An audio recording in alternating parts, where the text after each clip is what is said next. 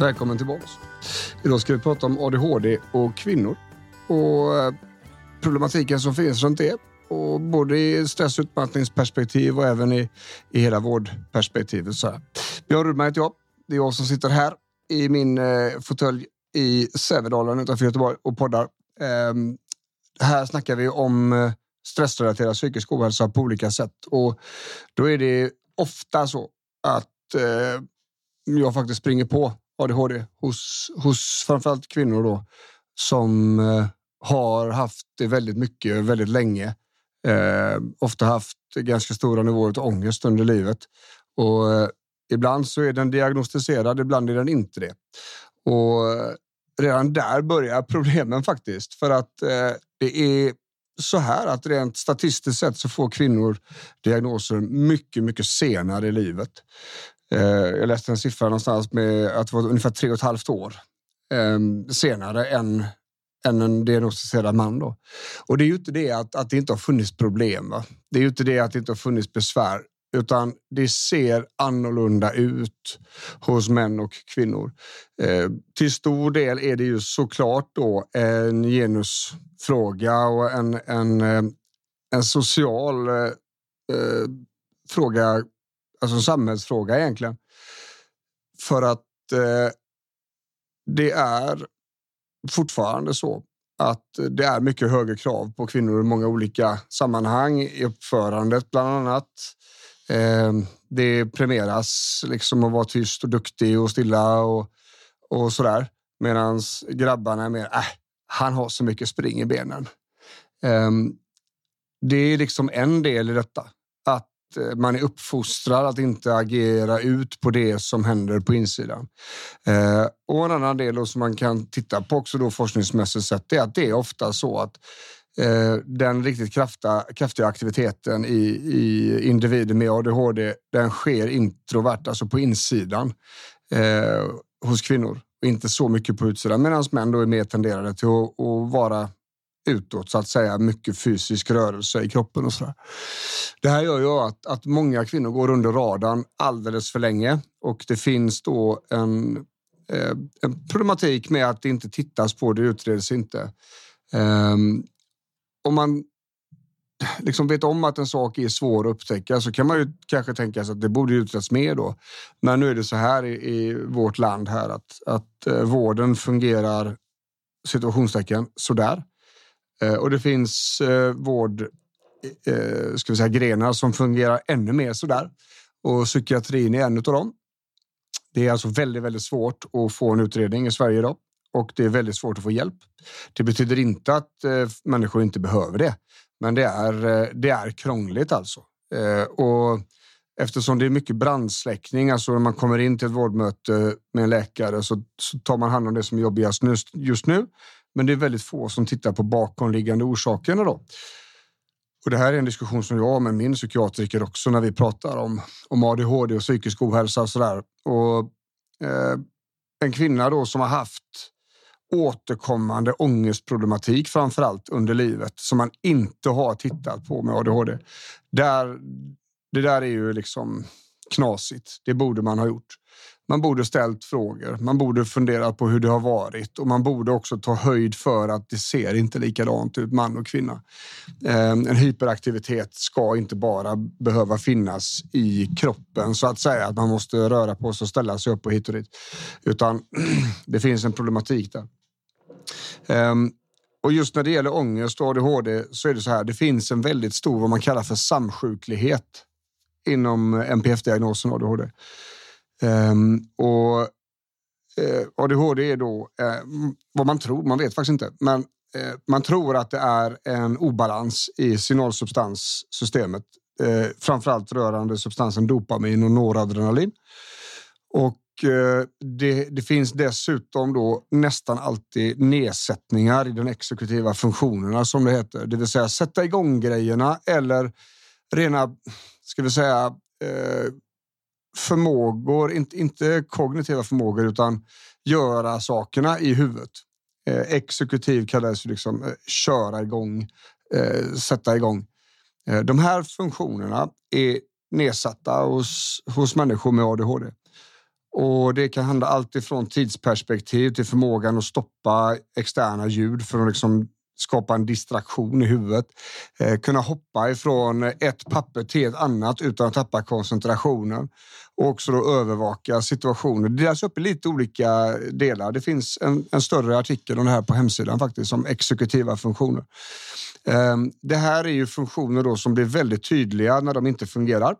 Dels för individen såklart som har ADHD, men också i sociala situationer. Vilket innebär att man får jobba väldigt hårt för att det inte ska bli fel. Liksom. Um, till exempel då, om jag står och pratar med någon och lyssnar på det här samtalet och så startar det en bil bredvid mig. Ehm, eftersom Eh, mina exekutiva funktioner är nedsatta eftersom jag har ADHD så kommer min hjärna att fokusera på bilen. Oavsett vad det är för någonting med bilen så kommer den att fokusera där. Jag kan alltså inte hålla kvar koncentrationen på vad kompisen framför mig säger med sin mun. Det här kan ju skapa problem då. När det här händer liksom 15, 20, 300 gånger om dagen så blir det här problem. Och, och då det, hela vardagen kan skapa blir så stora problem att det ger ångest. Men det kan också vara så att, att det har varit väldigt jobbigt väldigt länge och att jag utvecklade en ångestproblematik när jag var ung som i sin tur då har fortsatt framåt. Då, ehm, och den här samsjukligheten skulle jag säga, den är väldigt hårt drabbade på kvinnor eftersom det ADHD ser ut som den gör och eftersom samhällskonstruktionen ser ut som den gör. Och, och därför måste vi prata extra om detta. Eh, för det ser inte likadant ut. Och eh, det innebär också att eh, eh, även om det inte ser likadant ut så är strategierna för att hantera detta det, det är ganska liknande. Och om man har diagnosen ADHD så har man med stor sannolikhet också fått eh, frågan om medicin.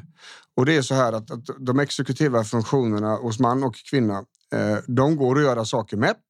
Vi kan se till att ha en så liten sårbarhet som möjligt. Det har vi pratat om innan i podden. Sömn, mat, träning, och sådär. Eh, vi kan med ska vi säga, struktur kan vi skapa strategier för att då inte hamna i skiten när vi har glömt grejer. För vi glömmer inte grejerna för de ligger redan framme på kvällen dagen innan vi ska iväg och ha det här viktiga mötet. Sådana här saker som vi då kan parera situationer som skulle kunna hända. Ehm, och träning kommer faktiskt hjälpa både signalsubstanserna i huvudet men också för koncentrationsförmågan och också förstärka de här exekutiva funktionerna. Då. Ehm, och då är det inte bara promenad, promenad, utan då menar jag att det är lite tuffare träning som behövs. Vi måste våga lasta systemen. Um, och det kan ju vara svårt om man är utmattad till exempel. Då ska man inte bara göra det hur som helst, men om man inte är det utan har problem med ADHD så testa och träna så ska ni få se vad som händer. Liksom. Um, men om detta då inte fungerar eller fungerar bara lite grann så kan det vara så att det är medicin som saknas. Och då eh, är det ju så att, att de här centralstimulerande medicinerna för ADHD, vilket också finns en större artikel om på hemsidan, eh, de ska ju då höja dopaminnivåerna, de ska höja noradrenalinnivåerna, de ska skapa energi, alltså minska trötthet så att vi får hjälp med de exekutiva funktionerna. Och det här är liksom hela grundorsaken till att de fungerar då, eller inte.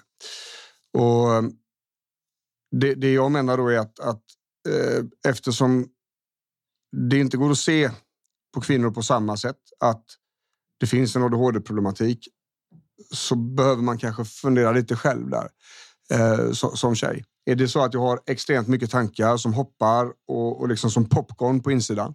Eh, man vaknar tänkande, man sover tänkande, eller man, man man somnar tänkande. Eh, det är väldigt snabba hopp emellan tankarna och det går i väldigt hög hastighet. Det är svårt att greppa en tanke och sen fullfölja den hela vägen för den glider ur handen och sen kommer det en ny. Eh, man är väldigt lätt distraherad. Det finns eh, väldigt stor känslighet mot saker och ting och alla känslor ligger på utsidan. Känner man igen sig i de här sakerna så behöver man liksom inte vara spattig och springa i benen för att kunna misstänka att det är ADHD. Och eh, det här kan då ligga till grund för att, att det blir en större ångestproblematik.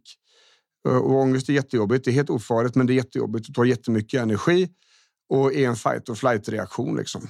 Det, är, det är huvudet som gör sig redo för, för strid eller för slagsmål eller för flykt.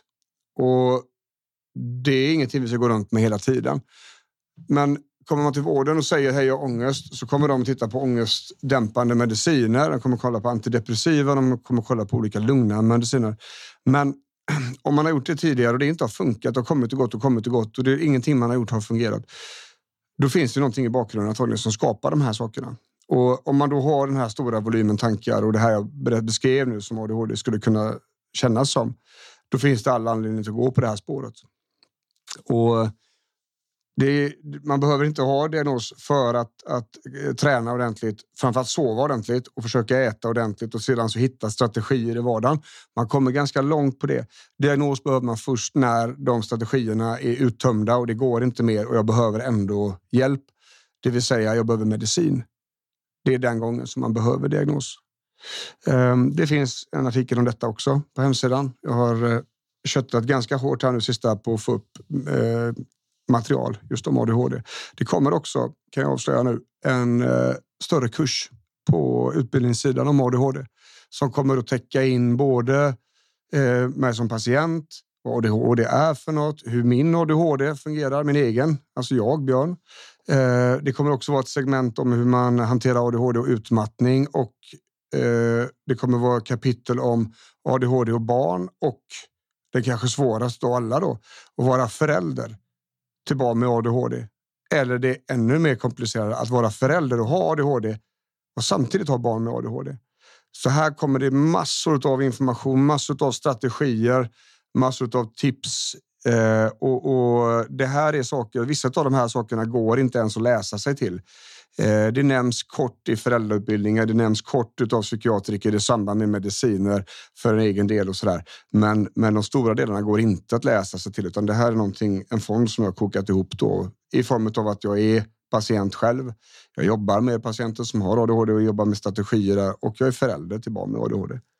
Så jag har med mig ganska mycket till bordet. Här. Så den kommer här inom kort. Då. Den är inspelad och klar eh, och redigerad. Jag håller bara på att eh, lägga upp den på utbildningssidan. Så det är bara någon vecka eller två kvar här. Så håll ögonen öppna där så kommer det mer information inom kort. Ja, och det och tjejer. Det, det, det hade man ju önskat att, att någonting var, hade varit enklare eh, att vara kvinna. Men eh, inte ens i det här Eh, tillfället så blir det så. Eh, och jag gör så mycket jag kan för så många som möjligt så att jag kommer fortsätta prata om de här sakerna. Och är det så att eh, det, det finns liksom intresse för att läsa mer så gå in på hemsidan och kolla där så finns det mer information. Ja, hoppas att ni har haft en givande stund här nu och så ska jag jobba vidare och hoppas att ni får en jättefin dag här nu. Så hörs vi snart igen. Ha det gott! Hej!